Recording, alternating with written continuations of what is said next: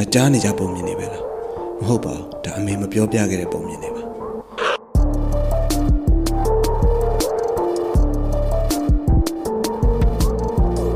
Volume 1 Episode 3 The Interview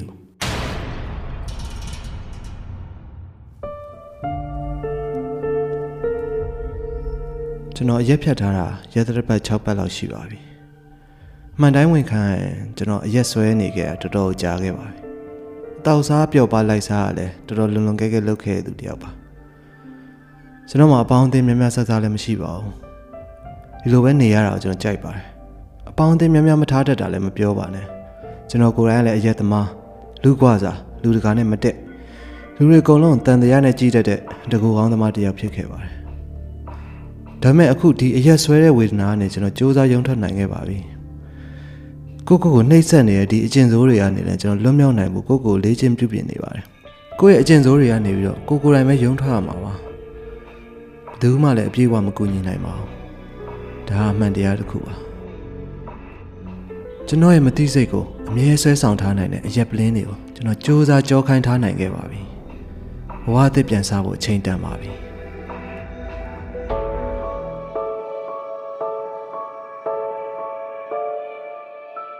ဒီနေ့ကျွန်တော်အလုပ်အင်တာဗျူးတစ်ခုသွားဖြေရပါမယ်။အလုပ်မရှိခဲ့တာတစ်နှစ်ခွဲလောက်ကြာပြီးတဲ့အချိန်မှာဒါပထမဆုံးပြန်ဖြေရမယ်အလုပ်အင်တာဗျူးပါ။အလုပ်ကတော့တာမန်အယောင်းမြင့်တည်ရေးသမားအလုပ်ပါပဲ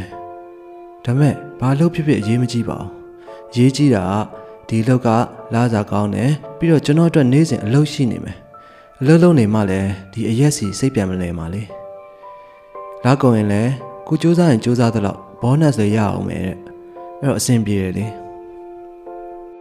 အင်တာဗျူးဖြေရမယ့်ရုံးရဲ့3လကိုကျွန်တော်ရောက်နေပါပြီ။ကျွန်တော်အတော်လေးစိတ်လှုပ်ရှားနေပြီးတော့ထိုင်ဆောင်နေခဲ့တယ်။သဘောကောင်းကောင်းခက်ချောချောကြိုးစိုးလက်ခံရေးကောင်းပါလေးကတော့ကျွန်တော်လက်ရနောက်ဆုံးပဲမို့စောင့်ပေးပါလို့ပြောထားပါတယ်။ရုံးစင်းချိန်ကိုကြော်နေပြီမို့တရုံလုံးလည်းလူသိမ့်မရှိတော့ပါဘူး။ရုံးစင်းကုန်ကြပါပြီ။အလုံးမပြီးပြတ်သေးတဲ့ဝန်ထမ်းနှင်းငယ်တာသူတို့ရဲ့အလုပ်နေရာလေးတွေမှာတကုတ်ကုတ်နဲ့အလုပ်လေးတွေဆက်လုပ်နေတာပဲရှိပါတယ်။ကျွန်တော်တွေးမိလိုက်သေးတယ်။ မပြန်သေးတဲ့ဝန်ထမ်းတွေကကျွန်တော်လိုပဲအိမ်စောစောပြန်လာတော့စောင့်နေမဲ့ချစ်သူတို့မိသားစုတို့မရှိတဲ့သူတွေပဲဖြစ်ရမယ်လို့ခုနကခက်ချောချောကောင်မလေးကကျွန်တော်လာခေါ်ပါတယ်ကိုကျော်ကြီးရဲ့အခန်းကိုကြွားပါရှင်ဆိုပြီးပြောပါတယ်ကိုကျော်ကြီးဆိုတဲ့ပုဂ္ဂိုလ်ကတကယ်ကျွန်တော်အင်တာဗျူးသာအဆင်ပြေခဲ့ရင်ကျွန်တော် boss ဖြစ်လာမယ်သူပေါ့သူကသူ့အခန်းထဲလာဖို့လှမ်းခေါ်နေပါပြီကျွန်တော်စိတ်တွေချက်ချင်းဆိုသလိုစိုးရိမ်မှုလိုလိုကြောက်တယ်လိုလိုနဲ့ကနာမငြိမ်ဖြစ်လာပါတယ် သူကျွန်တော်ရဲ့အရင်လုပ်တွေအကြောင်းမင်းဘယ်လိုလုပ်မလဲသူကျွန်တော်ဘာလို့တစ်နှစ်ခွဲလောက်အလုံးမရှိပဲဖြစ်နေတာလဲလို့မင်းရောဘယ်လိုလုပ်မလဲကျွန်တော်အရက်ဆွဲတဲ့ယောဂအကြောင်းမေးလာရင်ဘယ်လိုလုပ်မလဲဒါမှမဟုတ်ကျွန်တော်ကိုသဘောကျလို့အလုပ်ခန့်အင်တာဗျူးပြီးရနဲ့သွားတောက်ကြဖို့ခေါ်ရင်ရောကျွန်တော်ဘယ်လိုညင်းရမှာလဲကျွန်တော်အတွေးတွေအများကြီးနဲ့တိုင်ပတ်နေတယ်သူကျွန်တော်ထိုင်ကုန်မှာထိုင်မှုပြောတဲ့အချိန်မှာကျွန်တော်အတော်လေးတုန်လှုပ်နေပါတယ်ခြေတုံချတုံနဲ့ နှလုံးခုန်တာကလည်းလက်နဲ့ညှစ်ထားသလိုပဲအောင်းတောင်းတောင်းဖြစ်တဲ့အထိပါပဲကျွန်တော်အင်တာဗျူးဆိုတာနဲ့ဝေးနေတာလည်းတော်တော်ကြာပြီ哦ကျွန်တော်ထိုင်နေတဲ့ဇပွဲရဲ့မျက်နှာချင်းဆိုင်တဲ့တဲ့နေရာမှာသူထိုင်လိုက်ပါတယ်ထိုင်ခါစားပဲရှိသေးတယ်ခုနကြိုးစိုးလက်ခံရေးကောင်းပါလေးကတကားနာကနေပြပြတလဲကိုကျော်ကြီးလာပါအောင်ဆိုပြီးတော့လှမ်းခေါ်တယ်ကြည့်ရတော့အရေးကြီးနေပုံပါပဲသူကျွန်တော်တောင်းပန်ပါတယ် ခဏလေးတော့အရေးကြီးလို့ထင်တယ်ဆိုပြီးတော့တောင်းပန်မိခန်းပြင်ထွက်သွားတယ်ကျွန်တော်လည်းအိတ်ထဲကဖုန်းကိုထုတ်ပြီးတော့ကျွန်တော်စိတ်ဖိစီးမှုများတိုင်းနားထောင်လေးရှိရဲ့တရားထိုင်တဲ့အတန်တွေပါတဲ့ meditation podcast လေးကိုနားထောင်ဖို့ငကြက်လေးတက်ပြီးခဏထိုင်လိုက်တယ်ဝင်လေထွက်လေမှတ်ရင်ကျွန်တော်မျက်လုံးကိုမှိတ်ထားလိုက်တယ်ငကြက်ထဲကနင်းနေထွေးထွေးတတရရအတန်လေးတွေကလည်းတင်းင်းနေတဲ့ကျွန်တော်ခန္ဓာကိုယ်နဲ့စိတ်ဖိစီးမှုတွေကိုတိတိတတ်တာရောကြသွားစေပါတယ် နှလုံးခုန်တာလည်းတိတိတတ်တာပုံမှန်လေးပြန်ဖြစ်လာပါတယ်အသက်ကိုလည်းသတိနဲ့ရှူနေတဲ့အတွက်အေဂျင့်တည်ငြိမ်လာပါတယ်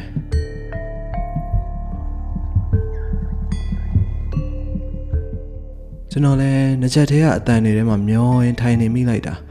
ခုနကကိုကျော်ကြီးဆိုတဲ့ပုံကိုအရေးကြီးလို့ထွက်သွားတာအခုဆိုမိနစ်20လောက်တောင်ရှိသွားပြီအဲ့လောက်ကြာတာတော့နည်းနည်းထူးဆန်းတယ်ဒါပေမဲ့ကျွန်တော်အတွက်တော့ တရားထိုင်လိုက်ရလို့စိတ်အေးသွားပြီးတော့အင်တာဗျူးအတွက်အာရုံပိုစိုက်နိုင်သွားတာပေါ့ကျွန်တော်ရဲ့ podcast ကို pause လုပ်ပြီးရက်လိုက်တယ်။ငကြက်လေးဖြုတ်ပြီးအိတ်ထဲပြန်ထည့်လိုက်တယ်။ကျွန်တော်ခြေထောက်တွေထုံနေမှုမတက်ထရက်လိုက်တယ်ပြီးတော့ရုံကန်တကားဘက်လမ်းနှဲငယ်ရှောင်းရင်းနဲ့တကားနားကိုနားသွားကပ်ပြီးအပြင်ကဘာသာများကြားမလဲလို့ခိုးနားထောင်လိုက်တယ်ကိုကျော်ကြီးတန်များကြားမလားဒါမှမဟုတ်ပြန်ဝင်လာမဲ့ခြေတန်များကြားမလားပေါ့ဒါပေမဲ့အားလုံးတိတ်ဆိတ်နေခဲ့တယ် ကျွန်တော်နောက်ထပ်10မိနစ်လောက်မတ်တက်ရရင်ထပ်ဆောင်နေသေးတယ်နောက်တော့စိတ်မရှိတော့တာနဲ့တကားကိုဖွင့်ပြီးတော့ချောင်းကြည့်ဖို့ဆုံးဖြတ်လိုက်တယ်ဟုတ်တယ်လေစောင့်ခိုင်းတာနည်းနည်းတော့ကြာသွားပြီဘာဖြစ်တာလဲတော့သိရမှဖြစ်မယ်တကားကနေချောင်းကြည့်တော့ဘယ်သူမှမတွေ့ရအောင်ကိုကျော်ကြီးလည်းမတွေ့ဘူးဟိုခက်ကြောကြောကောင်မလေးလည်းမတွေ့တော့ကျွန်တော်ရုံးခန်းထဲကိုဖျက်လျှောက်လာတော့တွေ့ခဲ့တဲ့အလုံးလုံးနေကြတဲ့တခြားဝန်ထမ်းတွေလည်းမတွေ့တော့ရုံးခန်းတစ်ခုလုံးကရှင်းလင်းနေတယ်ဘယ်သူမှမရှိတော့ဘူး နည်းနည်းတော့စားတယ်ကျွန်တော်လည်းအဲ့ဒါနဲ့တကားကိုဖွင့်ပြီးရုံးခန်းအပြင်နည်းနည်းထွက်ကြည့်လိုက်တယ်ကြည့်ရတော့အားလုံးယုံစင်းသွားတဲ့ပုံမျိုးပဲဒါနဲ့ပဲကျွန်တော်လည်းရုံးခန်းတစ်ဝိုက်လိုက်ကြည့်တော့တောင်းတောင်းမှာလူတစ်ယောက်ကျမ်းမြေပေါ်မှာလဲနေတာကိုတွေ့လိုက်ရတယ်ခုနကြိုးစိုးရေးကောင်မလေးပဲသူခန္ဓာကိုယ်ကမှောက်ရက်နေထားနဲ့ကော်စောပုံမှာသူစပင်ပေါ်မှာလည်းသွေးတွေပေးကြနေတယ် သူ့အင်းကြီးကလည်းမွားစာကျဲအောင်ပြဲနေတယ်သူ့ကြောပြင်ကိုကျွန်တော်မြင်နေရတယ်သူ့ကြောမှာအရေပြားတချို့မရှိတော့ဘူးလန်ထွက်နေတယ်နောက်ကျောကိုတရားရောက်ကတခုနဲ့ဆွဲပြက်ကုတ်ချစ်ထားသလိုပဲသူ့အင်းကြီးအပြဲကြားတဲ့ကနေကျွန်တော်မြင်နေရတာတော်တော်ကြီးရဲ့အပေါက်ကြီးကြီးဒဏ်ရာကြီးကြောထဲကိုပေါက်ဝင်နေတာကြီးကကျွန်တော်တခါမှမမြင်ဘူးဒဏ်ရာမျိုးကြီးအကြည့်ချွဲတွေနဲ့သွေးတန်တရေနဲ့အာမြင်ရစရာမရှိအောင်များပြားလွန်းတယ် တော်တော်ဆိုးဆိုးဝါးဝါနန်စော်နေတဲ့သွေးညီနဲ့နေရလဲကျွန်တော်နှာခေါင်းနဲ့အပြည့်ပဲလူသေးကောင်တဝိုက်မှာသွေးရရင်ရလဲအောက်ကကော်စောတွေကိုစုပ်ဝင်ပြီးတော့သွေးအနီရနေပြီးအမဲအောင်သွေးရရင်ဖြစ်နေပြီကျွန်တော်ဘယ်လုံးမှမခံစားနိုင်တော့ဘူးအော့ကျင်တယ်လို့အန်ကျင်တယ်လို့ဖြစ်လာပြီတကူလုံးခွေလဲကြမတတ်ပါပဲကျွန်တော်ထမအော်မိရမနှဲစိတ်ထိန်ထားရပါတယ်ကျွန်တော်လည်းကြံရမရဘေးဘီကိုလိုက်ကြည့်ရင်တယောက်ယောက်များကိုညီမဲ့သူရှိမလား ဒါမှမဟုတ်ဘာဖြစ်တာလဲသိရသူများရှိမလားကြောင်ချောက်ချားနဲ့လိုက်ရှာနေတယ်ဒါပေမဲ့ဘယ်သူမှမတွေ့ရပါဘူးကျွန်တော်ဒူးတွေမရက်နိုင်တော့ပါဘူးဘာလို့မှလည်းမသိတကူလုံးလဲတုံရီနေတဲ့အတွက်ကျွန်တော်အဲ့နေရာမှာပဲဒူးထောက်ထိုင်ချလိုက်တယ်ကျွန်တော်အိတ်ထဲကဖုန်းကိုတုံတုံရီနဲ့ထုတ်လိုက်တယ်တကူလုံးအေးဆက်ပြီးတုံနေတဲ့အတွက်ဖုန်းလော့ဖွင့်တာနံပါတ်နှိပ်တာအစားကျွန်တော်ခက်ခဲနေခဲ့တယ်နောက်ပြီးတော့ဖုန်း signal လုံးဝမမိဘူးဖြစ်နေတယ်ဖုန်းဆက်လို့မရအောင်ကျွန်တော်ဒီထဲကနေအမြန်ဆုံးထွက်ဖို့ပဲဆုံးဖြတ်လိုက်တယ် အဲ့ဒါနဲ့ဓာတ်လေကားရှိရဲ့ဘက်ကိုပြေးပြီးဓာတ်လေကားကိုခေါ်တဲ့ခလုတ်ကိုနှိပ်လိုက်တယ်အဲ့ဒီချိန်မှာကျွန်တော်နောက်ဘက်နားကနေပြီးတော့ညီးတန်လို့လို့မန်ဖီတန်လို့လို့အတန်နဲ့နဲ့ကြီးတစ်ခုကြားလိုက်ရတယ်ကျွန်တော်လည်းအတန်ကြားတော့အတန်လာရလှဲကြည့်ရမယ်စားကြပြကြရကြောက်လန့်ပြီးတော့ရုံးခန်းတွေဖွဲ့ထားတဲ့တယောက်စာရုံးခန်းလေးတွေတောင်းငုံပြီးဝင်ပုံးလိုက်တယ်ခုနအတန်လာနေရနေပြီးတော့ လမ်းလျှောက်လာသလိုလိုတရွတ်ဆွဲလာသလိုလိုအတန်မျိုးကြားနေရတယ်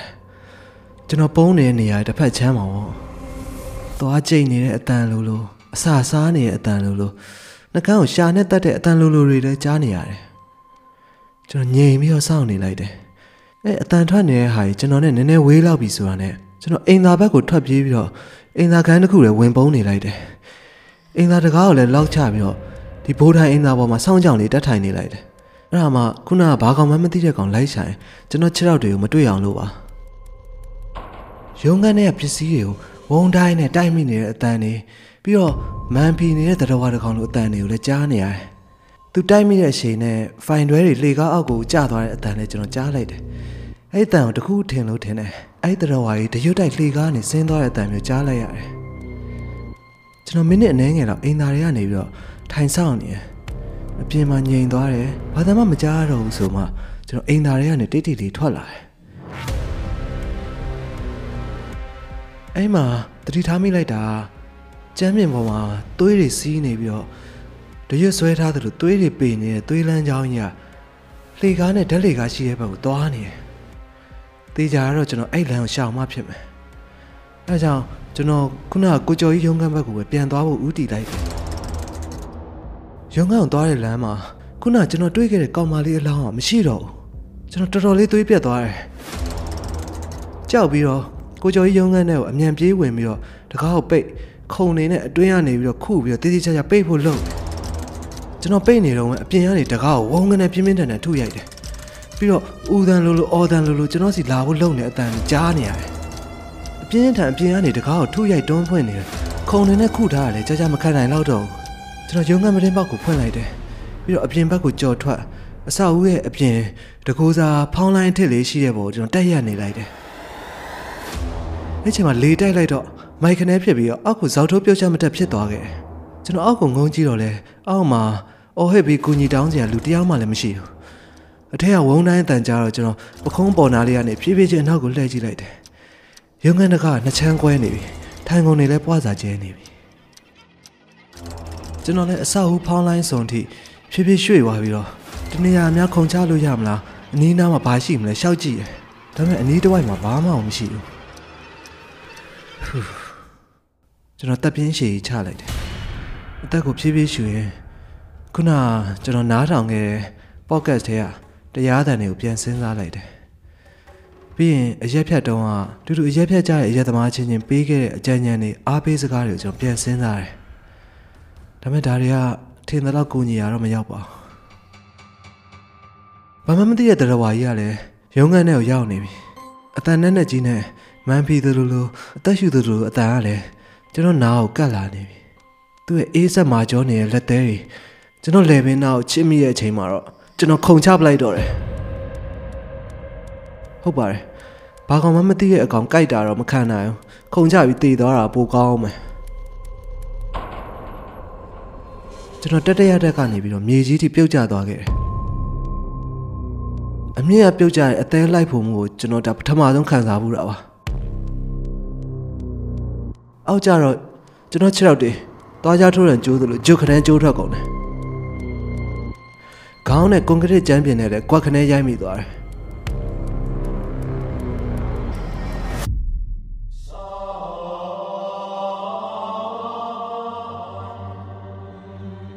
ကျွန်တော်ပါဇက်ထဲမှာသွေးရတာတွေအပြည့်ပဲတကူလုံးလဲနားရဲဆိုတာတက်ပိုတဲ့ဝေဒနာတွေခံစားနေရတယ်လှုပ်လို့မရတော့အောင်ပါပဲကျွန်တော်မျက်လုံးမပွင့်တပွင့်နဲ့လှမ်းမြင်နေရတာဝေဝေဝါဝအရေးတချို့ကျွန်တော်စီကိုတုတ်တုတ်တုတ်တုတ်နဲ့လာနေကြပါတယ်ကျွန်တော်အမြင်တွေမှုံသွားလာတယ်တတိယတစ်ချက်မရတစ်ချက်ဖြစ်နေချိန်မှာ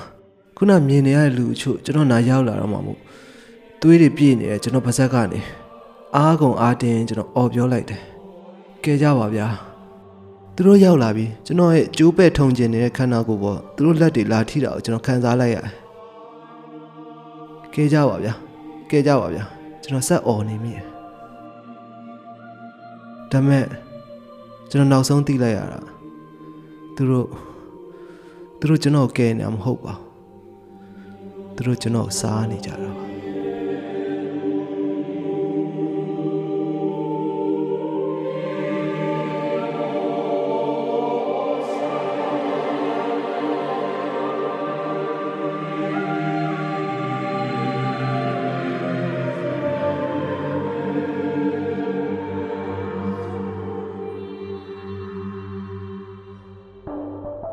ကြားနေကြပုံမြင်နေပဲလား